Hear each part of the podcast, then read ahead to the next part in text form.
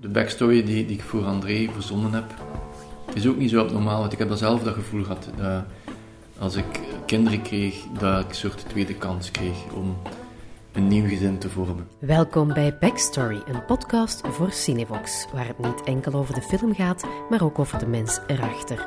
Ik ben Joke Sluits en in deze derde aflevering praat ik met Peter Monsard, regisseur van Offline, Le Ciel Flamand en nu ook Nowhere. Cinevox. Ik ben dus ja, Peter Monsard. Ik ben uh, regisseur. Ik schrijf ook zelf. Ik maak films, uh, ook theater. En ja, ik probeer daar gewoon verhalen te vertellen. Eigenlijk ik beschouw mezelf een beetje als een verhalenverteller. En het medium verschilt soms. Um, maar um, ja, voilà. Ja. Verhalen over echte mensen? Uh, ja, absoluut. Ik blijf graag dicht bij de realiteit. Um, in theater mag er altijd iets meer magisch aan hangen. Uh, maar in film blijf ik graag dicht bij de realiteit. Van naturalisme naar realisme, denk ik. Uh, ja, omdat dat mezelf ook het meest ontroert als ik kijk. Dus ik, um, ik maak ook wat ik graag zelf zou zien. En um, in die zin um, kies, kies, ik graag voor de kleine verhalen van, van mensen die herkenbaar zijn. Wil dat dan zeggen dat dat ook uit echte verhalen komt? soms is dat zo, meestal is het een, een mengeling. je begint met een idee en uiteraard ga je daar research rond doen, rond een idee. En door research te doen, uh, kom je op verhalen. Of omgekeerd, je leest een verhaal en je bent met een film bezig. Um, en je denkt van, oké, dit past in de thematiek waar ik het wil over hebben. Een scenario schrijven in mijn geval gebeurt zelden meteen van A tot Z. Is meer een soort van... Um, ja, als je het met beeldhouwkunst zou vergelijken, een soort blok klei dat je hebt en dat je dan gaat verfijnen of dingetjes gaat bij gaan voegen. Maar voor deze film wou ik eigenlijk beginnen. Het startpunt was van um, wat kunnen twee mensen die waarschijnlijk heel ver van elkaar afstaan voor elkaar betekenen als ze elkaar ontmoeten. En dan mag je het fantaseren over wie zijn die mensen. En dat hebben zij meegemaakt. Um, en het thema familie is natuurlijk mijn geliefde thema. Dus het was al meteen duidelijk dat dat er opnieuw moest inzitten. En wat is de familie? Is dat puur genetica of kun je familie worden met iemand die eigenlijk uh, geen bloedband heeft met jou? Wat gebeurt er als je, met jou als je eigenlijk totaal geen familie hebt? Of wat gebeurt er als je familie verliest? Verandert u dat als mens? Um, wat is een identiteit? Kunt je dat zelf creëren of is iets dat, dat gecreëerd wordt door anderen, door contacten die je hebt? Dat zijn een soort vragen die ik had. En dan zijn er een aantal verhalen op mijn pad gekomen. Onder andere een verhaal van een, een, een man die zijn zoon verloren was bij een, um, een ongeval met vluchtmisdrijf. En ben ik gaan praten met die man. Ik um, ben zelf vader ook uh, van twee dochters van 14. Dus het ligt heel ook dichtbij. Ik kan me dat perfect voorstellen. Ik kan, nee, ik kan me dat niet voorstellen. Ik kan me inbeelden wat zou kunnen zijn mocht ik die ineens verliezen. Um, en dan ga je gaan praten met die mensen. En dan word je stil natuurlijk in eerste instantie. En dan denk je even van, moet ik dit wel aanraken? het was eigenlijk zelf die vader zelf die zei van dat hij dat een enorm cadeau vond dat ik langskwam. Om, het grootste cadeau voor hem is dat, dat zijn zoon nog ergens iets kan betekenen en kan verder leven. En dat zijn dood niet helemaal voor niks is geweest. Die vader was ook actief betrokken bij het OVK, een, vereniging die zich inzet voor ouders van vermogelijke kinderen. En dat was ook zijn, eh, ja, zijn missie was eigenlijk geworden van laat, mijn, laat de dood van mijn zoon niet voor niks geweest zijn. Dus hij zocht zingeving in het verhaal te vertellen. En hij zei mij eigenlijk zelf, ja, doe hier iets mee. Dus voor mij was dat een soort van stille zegen of zo die ik kreeg. Um, de organisatie heeft, die film, heeft mijn film ondertussen ook gezien en was eigenlijk um, enthousiast is niet, misschien niet het juiste woord, maar, maar super um, tevreden en ontroerd door, omdat ze het zo vonden kloppen het portret dat ik toon van die man met de verhalen die zij krijgen. En dat was denk ik voor mij nog misschien ook belangrijker dan elke recensie die zal komen. Was een soort zegen van, van die mensen. Want ik vind als je de potentie hebt om over zo'n zwaar thema iets te maken, ja, dan. Uh, my biggest nightmare zou zijn van. Uh, dat zij zich daar niet in herkennen of zich miskend voelen of een soort weet ik wat, uh, gevoel krijgen van oei, we, zijn gebruikt of het thema is misbruikt. Ehm, dus dat was één verhaal dat, bij mijn, dat op mijn pad kwam. En een ander verhaal was, was het verhaal van een jongen die een, aantal jaar geleden in, in Gent gestorven is. Een jongen die uit de jeugdvoorziening kwam. En die na zijn 18 jaar er niet geslaagd was om eigenlijk ehm, om zijn leven op de rails te krijgen. En dan ben ik gaan praten met een aantal uh, jongeren die, die in soortgelijke situaties zaten, die in gesloten instellingen zaten, maar ook in, in open instellingen, maar die vaak dus ja, problematische thuissituatie hadden. En ik was eigenlijk verbaasd daar door dat jeugdige optimisme of zo. Wat ik bij die vader helemaal terecht niet meer, niet meer voelde.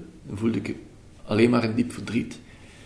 Bij die jongeren voelde ik ook al, hadden ze eigenlijk bijna soms niemand, voelde ik een soort van, we gaan er nog voor. Ehm, en dan heb ik in mijn hoofd een verhaal zitten construeren, wat als die twee elkaar tegenkomen en elkaar tot een soort van evenwicht terugbrengen en uh, wat kan dat betekenen. En dat is eigenlijk de film geworden. Ik denk sowieso wel als, als je aan je films bekijkt, um, dat daar heel veel tussen hoop en wanhoop geschipperd wordt. Hè? Absoluut. Um, dat dat denk ik is wat ons mens maakt. Helaas misschien, en ook um, goed. Um, om, om, we, hebben, de gave gekregen om te kunnen nadenken. En tegelijkertijd zijn we ook nog dat dier. Uh, en proberen we een soort oplossing te vinden voor onszelf, waarom dat we hier zijn, denk ik dan. Door verhalen ook te, te construeren. Door het voor onszelf te proberen werkbaar te maken. Want als je echt over nadenkt, ja, kom je vaak tot de conclusie van oei, ja, we zijn maar... je ook niet altijd een zegen. Nee, absoluut. Het kunnen nadenken, het kunnen nadenken is zeker niet altijd een zegen. Um, maar ik probeer dan toch altijd in de film een moment te creëren waar dan toch volgens mij de hoop overwint. Um, door kleine dingen, niet door de grote Hollywood-finales of zo. Maar door, je um, niet spreken van een happy end of zo, hè? in deze film vind ik wel, voor mij persoonlijk, uh, ze kunnen alle twee verder. Dus is, uh, happy happy is dat niet, maar toch alles happier dan ze aan de film begonnen zijn. Maar ondanks dat het uh, misschien een donkere film is of lijkt, zit er ook veel licht in. Absoluut. Ik heb ook de film, eigenlijk is de film ook zo opgebouwd, hè, in kleur, in, zelf in muziek, in, in, in, in licht, vanuit een soort donkerheid naar uh, hoop, licht. Um, de muziek in de film is minimalistisch in het begin, bloeit open naar het einde. De karakters bloeien letterlijk open. De kleuren bloeien open. We eindigen bij het licht van Marseille, weg van het, neonlicht van Vlaanderen. Dus in die zin, voor mij is het wel, of heb ik alles eens geprobeerd om hoop in uh, bange dagen te geven. Wie zijn die twee karakters? Um, ze lijken alleszins veel meer op elkaar dan dat ze zelf vermoed hadden. Het is ook grappig, eh, Koen en Noah hadden de film gezien, samen met mij voor de eerste keer. En Noah zei van, amai, ik had nooit beseft, eh, toen ik het aan het spelen was, dat we zo op elkaar leken. Dat is ook, ja, ik spreek niet graag over een boodschap of zo, ik wil, niet, ik wil geen grote boodschap brengen met de film. Maar als dat een klein uh, bijverschijnsel is van de visie van de film bij een kijker die zegt van, amai, misschien moet ik toch niet altijd meteen klaarstaan met mijn oordeel en even iemand leren kennen voordat ik uh, daar zomaar een label op plak of zo, dan is dat toch wel een kleine overwinning. En ik betrap er mezelf ook op dat ik doe. Dus het is heel menselijk om het vreemde te wantrouwen. Het zit ook in onze natuur van het dier, denk ik. Maar het nadenken geeft ons dan misschien de mogelijkheid om daar een stapje voorbij aan te gaan en, en iemand te leren kennen. En dan te beseffen dat, dat we gewoon allemaal hetzelfde zijn. Met onze eigen problemen en we zoeken allemaal oplossingen die niet altijd dezelfde zijn. Maar in de fond verschillen we niet zoveel van elkaar. Als je zegt van het, het voorbij vooroordeel kijken of het uh, uh, ja, iemand leren kennen of zo, zit voor mij ook heel hard in iemand een tweede kans geven in het leven. Wat ook een beetje in offline en, of een beetje veel zelfs in offline en de Ciel ook terugkomt, is iemand die een tweede kans krijgt om opnieuw te beginnen, om opnieuw geliefd te worden door iemand. Absoluut. En in het geval van, van in beide gevallen, hè, um, je maakt natuurlijk als maker altijd een soort backstory van een personage dat niet noodzakelijk helemaal duidelijk wordt in een film. maar die je wel, dat je wel voelt als kijker. André zegt ook in de film van, ik had 13 jaar lang maar één doel, dat was mijn dochter gelukkig maken. Ehm, in mijn fantasie heeft eigenlijk André een soortgelijke jeugd van als Thierry had, wel met ouders, maar zonder veel warme liefde. In een soort Vlaams nest dat uh, zorg maar dat je plan trekt. Uh, en is, heeft eigenlijk het gevoel gehad bij de geboorte van zijn dochter en bij het huwelijk met zijn vrouw, dat hij eigenlijk een tweede kans kreeg op een nieuwe identiteit. Of vanaf nu ben ik vader. En ik ga er alles aan doen om, om het anders te doen. En ineens wordt, wordt hem dat afgenomen. Dus die identiteit valt voor hem volledig weg. Um, Thierry, die eigenlijk sowieso als tiener een identiteit zoekt, maar eigenlijk geen vast heeft om, om dat te koppelen aan een verleden. Hij heeft geen ouders, hij heeft geen... Hoe zoek je dat dan, die identiteit? Wordt u dan die identiteit opge, opgelegd door uw begeleiders of door een advocaat die zegt, jij bent zo iemand, of door, en beginnen dat dan zelf te geloven. En eigenlijk krijgen ze alle twee een nieuwe kans. Thierry krijgt een soort van um, ja, erkenning. Je kunt wel iets, je bent iemand. En hij vindt dan ook nog een soort stuk familie, dus hij krijgt ineens wortels. En André kan via dat vaderschap dat hij kent, eigenlijk bij, bij Thierry dat een beetje opnieuw opnemen, maar krijgt daardoor een soort van drive om los van dat vaderschap verder te gaan in zijn leven. Dus dat zijn inderdaad tweede kansen, niet, niet letterlijk tweede kansen die u dan door de maatschappij worden gegeven, zoals bij, bij offline of zo, maar, maar, maar kansen die je als persoon ook moet durven grijpen, denk ik dan, of die door zo'n toevallige ontmoeting worden aangeboden. Die ook heel veel te maken hebben met de gunst van iemand anders of zo, om, om die tweede kans te gunnen. Ja, absoluut. Ja, Wat dan misschien allee, ook wel, ondanks dat je niet echt een boodschap wilt geven, of zo wel een boodschap is, hè, van geef mensen... Zeker, zeker. Ja, ja, ja. Ik, en ik wil absoluut wel boodschappen geven, maar ik wil gewoon niet dat ze te hard in je gezicht worden geslaan, ik zal het zo zeggen. mag niet moraliseren. Nee, nee. Uh, en daar, ik probeer ook wat reiswaardes erin te brengen. Hè. Niet, geen enkele van die personages is gewoon goed of slecht. André heeft zijn ambitante kanten. Uh, Thierry ook, hij liegt eigenlijk, ja, maar je snapt dan wel van waar dat komt. Uh, dus ik probeer dan toch wat nuance te brengen daarin. Wat ook wel opvalt, is um, dat er telkens in films terugkomt dat er een, eh, een vader-dochterrelatie is. Is dat iets waar dat je zelf bewust mee aan de slag gaat? Ik heb mezelf dat ook afgevraagd. Ik had, bij het schrijven van deze film heb ik daar even tegen gevochten. Maar dan heb ik beseft van dat is blijkbaar iets dat mijn, ja, mijn verhalen zijn. Uh, dat ik kwijt wil. blijkbaar zit dat in mij. Ik vind, ik vind dat ook niet abnormaal, omdat dat ook weer hetgeen is wat ons mens maakt, denk ik. Je wordt ergens geboren. Het is hetgeen dat je, misschien het enige zelf dat je niet kan kiezen in je leven. Uh, de mens heeft dan zo zegt het idee van, we zijn vrij. Hè? Mensen in 2022, alles is mogelijk, we zijn vrij, uh, we kunnen alles bereiken. Uh, maar gaat natuurlijk voorbij aan het feit dat je genetisch wel ook bepaald wordt door uit wie je komt en de kansen die je krijgt bij het begin van je leven.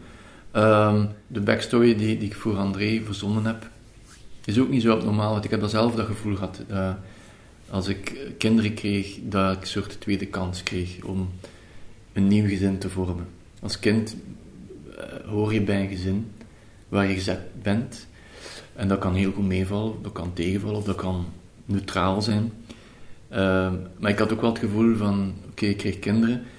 En voor mij is dat dan de basis geweest van de Ciel Flamand. Van, ja, amai, een, een shot... André zegt ook in de film, een shot vaderschapsgevoel, dat wordt ingespoten. Ik had daar echt, echt het gevoel van, oké, dit is eigenlijk een, nieuwe, een nieuw begin. En ik kan het anders doen, beter in mijn geval, dan waar ik vandaan kom. En voilà, dat, dat, dat blijft mij eigenlijk achtervolgen eigenlijk. Mijn dochters zijn nu uh, eh, 14. Die waren eigenlijk de leeftijd van het dochtertje van André op het moment dat ik aan het draaien was. Dus zijn wel dingen die, ik meeneem gewoon. Ik kan mijn leven moeilijk scheiden van wat ik maak. Ja, misschien is, is dat wat we doen, hè? verhalen creëren om te kunnen omgaan met de dingen die we niet kunnen vatten. En mijn verhalen creëer ik dan misschien om de demonen die ik heb daar te beleven of de, en, en, en niet in mijn echte leven te moeten leven. Dat is dan de angst van een vader om een kind te verliezen. Ja, inderdaad. Of dat er iets met een kind zou zijn. Ja. Wie je wordt, is uiteraard een deel je genen en een deel maatschappelijk. En dat valt me ook op dat je wel, wel vaak kiest voor mensen die een beetje aan de rand van de maatschappij leven. Waarom dat dan? Ik heb sowieso een fascinatie voor de underdog ook. Misschien is dat mijn katholieke opvoeding van het, het opnemen voor, voor, voor iemand die niet noodzakelijk een stem krijgt of zo. Ja, dat is ook niet, niet altijd je eigen... vaak is dat niet altijd de keuze natuurlijk om aan de rand van de maatschappij te gaan leven, maar soms wel. En dan, dan hoop ik door, dat soort, door het verhaal van Thierry te tonen aan de Vlaming, dat er een soort empathie komt. Dat is misschien hoog gegrepen, maar al is maar één iemand die met andere ogen naar een gast zoals Thierry kijkt. Ja, om een soort van, uh, ja, om te blijven praten met elkaar. Bij offline en LCL is dat eigenlijk ook. Het zijn allemaal mensen waar, waar mensen heel snel een oordeel over klaar hebben. En eigenlijk is, het geen, is dat hetgeen dat ik wil counteren. Uh, om dat te proberen tegengaan. Van, uh, het is heel menselijk om het te hebben, maar toch moeten we tegengaan. Mijn podcast gaat eigenlijk ook een beetje over representatie. Hier is er gekozen om een van de twee personages een zwarte jongen te laten zijn. Is dat een bewuste keuze of was dat een automatisch iets? Uh, nee, het is wel een bewuste keuze, omdat, omdat ik vind ook dat het beeld dat ik soms zie op televisie een ander beeld is dat ik in straat zie. Dus als je het dan wil hebben over realistische, naturalistische films, wil ik wel dat dat ook in mijn films um, zo wordt getoond. Ik had bijvoorbeeld ook kunnen kiezen nog om André van kleur te kunnen maken en de jongen. Maar ik denk wel dat we in Vlaanderen nog een soort spiegel nodig hebben. Um, en dan denk ik van ook weer wat, wat men kent, zal men sneller snappen of iets van opsteken. En dus heb ik wel gekozen om, om de, toch een beetje een archetype van de, van, van, van de starre Vlaming te werken, die in contact komt met een soort flamboyantere jonge gast, uh, waar hij op zich eerst niet weet van wat moet ik hiermee, en wat dan toch uiteindelijk komt tot het moment dat die twee elkaar snappen. En omgekeerd ook, hè, die Thierry ziet daar een, een gast, een André, die in de bouw werkt en eigenlijk niks zegt. heeft ook zoiets van, wat voor rare gast is dat? Totdat hij het verhaal erachter hoort. En ja, snapt hij ook wel waarom die rare man zo reageert. Gebeurt het dan in, in het schrijfproces dan, of pas in het castingproces dat je beslist van... Uh, nee, dat was, dat, nee, dat was wel in het schrijfproces ook. Omdat ik het net wil hebben over twee mensen die zo ver mogelijk van elkaar afstaan. En dan had een, um, een niet gekleurde jongen voor André makkelijker geweest om connectie mee te maken. Um, wat ik ook belangrijk vind aan jouw films is dat je mannen op een realistische manier portretteert. Want we hebben het altijd over hoe vrouwen moeten mhm. in films gezet worden. En dat valt me dan op bij jouw films, dat die mannen ook heel veel facetten hebben. Realistisch zijn en dat die ook niet alleen maar de heroes zijn of de losers. Voor mij is dat een automatisme dat ik dat maar normaal vind. Ik probeer al mijn personages van vlees en bloed te maken en een verhaal mee te geven dat je, en, een, en een backstory of een, of een persoonlijkheid waarvan dat je een gelaagdheid voelt. Zowel mannen of vrouwen. Ik kijk rond mij en ik zie mensen en ik wil de mensen die ik zie ook in mijn films zien. Ik zou het bijzonder vreemd vinden om dat niet te doen. Omdat dat mij zo uh, normaal lijkt. Ik weet dat dat niet altijd zo is. Maar voor ik, de films die ik wil maken, moeten absoluut zo zijn. Omdat een mens nooit maar één ding is. Omdat we zo complex zijn. En die complexheid mag je ook als maker niet uit de weg gaan of zo. Ook al levert dat dan soms tegenstrijdigheden op. Ik heb ook al discussies mee gehad met acteurs bijvoorbeeld, die zeggen van ja, maar ja, mijn personage, ik snap dat niet. En dan is de eenvoudige vraag, maar snapte jij alles wat je zelf doet? Helemaal niet. De mens is niet rationeel bezig met wat hij allemaal doet. Die doet dingen uit impuls, die doet dingen waar hij van schrikt. Ik had nooit gedacht dat ik het ging doen. En, en dat vind ik zo interessant en zo fascinerend aan de mens, en daarom wil ik die ook zo in mijn films tonen. Toch is het helaas zo dat blijkt dat mensen liever naar helden willen gaan kijken. Ja, omdat mensen het, een simpel antwoord willen natuurlijk. Ik ben voor, voor mijn volgende film, die zal gaan over de menselijke vreedheid als thema, ben ik een boek aan het lezen dat heet Heart of Darkness, genoemd allee, naar de, Dus het is niet het boek die ik aan het lezen ben, maar het is, de, de ondertitel is De menselijke vreedheid. Een Leuvense professor uit de jaren 70 daar staat, dat gaat onder andere over uh, ja, Wereldoorlog 2 en hoe het zover is kunnen komen. Hoe een normale man die in een bank werkt ineens een moordcommando kan leiden in Oekraïne, toevallig. om daar um, Joden te gaan vervolgen. Hoe kan dat? Dat is iets dat we ons niet kunnen voorstellen, ons niet willen voorstellen eigenlijk. En um, daarin wordt gezegd van uh, mensen ja, hebben nood aan een simpele antwoord. Ze willen eigenlijk horen van het kwade, dat zit in u of niet. Um, er zijn kwade mensen en er zijn goede mensen. En hij, hij zegt, die lijn bestaat die lijn loopt door het hart van elke mens. En ik snap uiteraard dat mensen een verhaal, ja, we doen het allemaal, we verzinnen verhalen om te kunnen omgaan met de complexiteit van het leven. En dus een simpel verhaal geeft daar een antwoord op. Maar ik hoop dat er ook nog plaats is voor films die dat, die daar, die dat niet doen. Hè? En die dan ons confronteren met wat het is om mens te zijn. En niet wat het is om een held te zijn.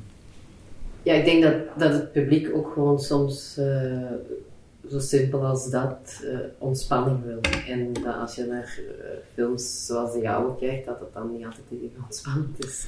Nee, absoluut. Maar dat is ook zeer legitiem. Hè? Ik, ga, ik, ga, ik ga zeker in andere films het licht in de ogen niet weg. Ik kijk ook graag naar iets ontspannends. Uh, maar bon, dat is blijkbaar niet hetgeen dat ik maak.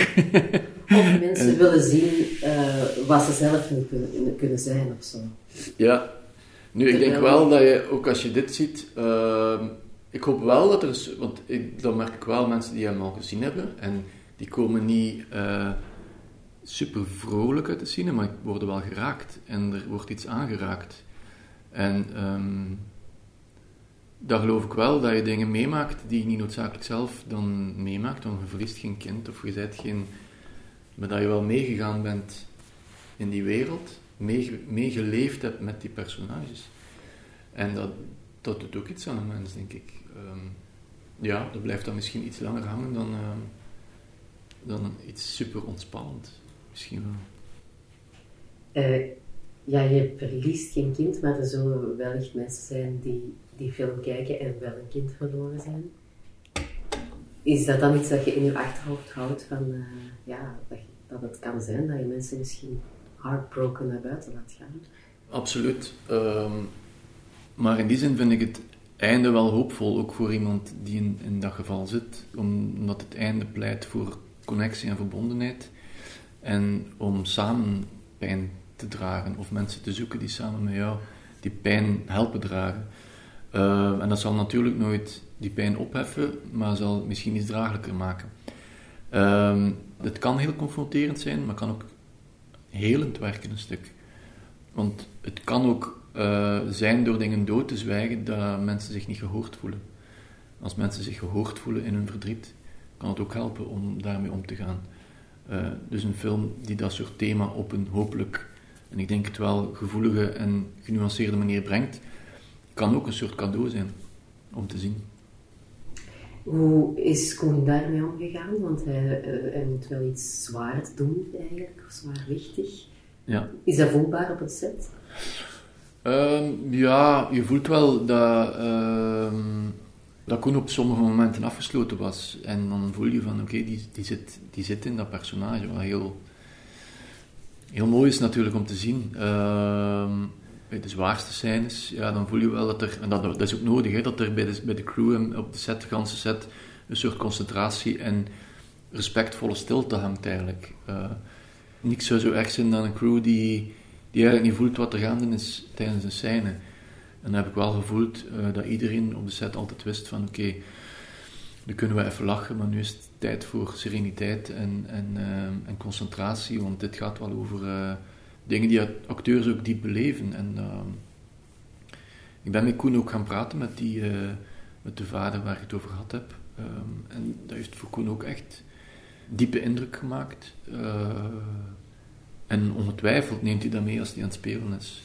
Hij is ook vader natuurlijk. Ja, dus, dat, absoluut. Dat kan en, en, niet ontkennen als speler. Nee, natuurlijk niet. En een goede speler kan, ehm, heeft empathie genoeg of verbeeldingskracht genoeg om zich dat in te beelden. En die zal dan wel werken met deels fantasie en deels dingen die echt uit zijn geschiedenis als mens komen, om, om daar voor hem een verhaal in te maken dat klopt. Waarom Koen?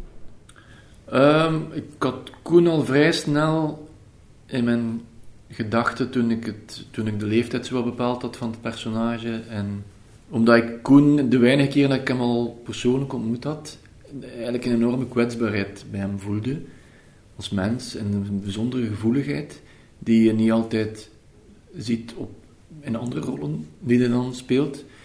Maar, maar dat ik wel van wist van, oké, ja, amai, als hij dat kan aanboren wat ik nu voel bij hem als persoon, dan gaat dat fantastisch zijn. Ehm, en dan had ik hem eigenlijk bij een eerste versie van het scenario een, een versie gestuurd. De vraag van, kijk, zie dat zitten. En dat was in eerste instantie bij hem ook wel even zo wat, oei. Hij had het niet verwacht dat, dat hij daar voor zo'n rol ging gevraagd worden. Ik zal ook niet ontkennen dat ik, dat ik dat net daarom wilde doen ook. Omdat ik vind dat...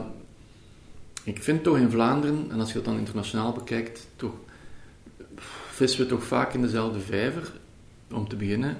En spelen mensen toch vaak een rol die ze eenmaal goed gedaan hebben. Ik vind dat we daar soms te gemakzuchtig in zijn als makers, omdat acteur of actrice A alle keer dat goed gedaan heeft, zijn we zeker van ze zal dat goed doen, of hij zal dat goed doen in rol B. En ik vind net de, uitdaging, en ik, ja, ik, ik ben echt een acteursregisseur, ik werk super graag met acteurs. En ik zie ook al, op theater ook mensen die duizend verschillende dingen doen. En op een of andere reden, in film, wordt dat toch vaak op veilig meegespeeld. Ik weet ook het komt natuurlijk, het kost veel geld. De mensen willen zekerheid om af en toe een risico te nemen. En eigenlijk was het geen risico, want ik had wel het gevoel dat, dat Koen dat fantastisch zou doen. Ja, ik denk op zich, eh, enerzijds ga je de typecasting tegen, maar anderzijds werk je wel mee aan, we vissen allemaal in dezelfde vijver. Absoluut, ja, ja, ja, absoluut. Maar goed, met Noah dan bijvoorbeeld niet. Hè. Ehm, dus je moet ook, um, ja, uh, is, Rome, is niet, Rome is niet op één dag gebouwd. Of, ik zoek naar een goede metafoor. Uh, de waarheid ligt in het midden. Ja, ja, het is dat. Ik wil ook niet heiliger zijn dan, dan de paus. Uh, nee, maar, maar laat mij duidelijk zijn. Koen is natuurlijk, ja... Koen zal zorgen voor, voor volk in de zaal, maar Koen, Koen is wel een steengoede acteur ook. En heeft dat ook bewezen hier. Het zou anders geweest zijn, denk ik, moest ik iemand genomen hebben voor zijn naam die het dan niet, niet waar maakt. En misschien nog eentje erbij, het doel heiligt de middelen. Um, dat je met die grote naam, dat groot gezicht, wel er misschien voor zorgt dat een arthouse film meer publiek krijgt. Absoluut, ja. Absoluut. Um, we kunnen alleen maar hopen dat, dat mensen toevallig in de film terechtkomen en niet zien dat ze niet verwacht hadden. Dat de boodschap meer draagt. Ja, dat die groter wordt dan gewoon in de arthouse films. Dat hoop ik echt. Um, we zullen zien. Het zijn ook geen topdagen voor uh, de cinema. Dus we kunnen alleen maar hopen dat, uh, dat dat een beetje aantrekt. Nu het beest achter ons ligt. Ja, is het, is het dan bij arthouse of, of het soort films dat je maakt, uh, ja, scheurde je broek daar niet aan soms? Goh ja, uh, we hebben gelukkig subsidies in Vlaanderen, hè. Uh, maar ja, eigenlijk wel. Alleen, we kunnen niet voorspellen hè, hoeveel, hoeveel volk dat er gaat komen. Dus hopelijk veel, hè. Maar het wordt moeilijker en moeilijker. Mensen, mensen gaan moeilijker en moeilijker naar iets wat moeilijkere films. Misschien omdat er net uh, nu momenteel nood is aan een simpel antwoord. Omdat het moeilijke tijden zijn. Ja. De film heet Nowhere, maar er staat een streepje tussen. Mm -hmm. De Now en de Here. Uh, ja, ik denk, als het mocht de titel in het begin van de film staan, zou het Nowhere zijn. En op het einde van de film Now Here. Dus dat is een kleine spielerij om een beetje het parcours van de personages ook um, een beetje te schetsen. Hè, van een soort vacuüm waar ze in zitten in hun leven, in niemandsland. Naar nu staan we toch ergens. En uh, wat de toekomst brengt weten we nu, maar op dit moment staan we ergens. En een beetje ook een pleidooi voor de hoop en, en het half uh, volle glas, denk ik, uh, in die titel. Nou, hier, waar staan we nu in uw carrière? Oei. Uh, mooi bruggetje. Goh, uh, ik heb nooit echt een groot carrièreplan gehad. Ik probeer gewoon op elk moment het beste te maken wat ik op dat moment in mij heb.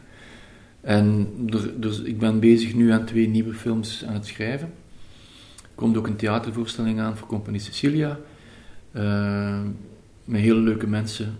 Robert van der Toren, Joke Emmers en um, Tom Ternest kijk ik heel hard naar uit, omdat dat uh, weg is van de lange marathon eh, van filmmaken is naar de sprint, wat zo'n theatervoorstelling is. Ehm, we hernemen ook met Theater Orca. Ehm, twee voorstellingen die ik gecoacht heb, Chas Patat en Krakelé. Dus dat, zijn allemaal toffe dingen op korte termijn.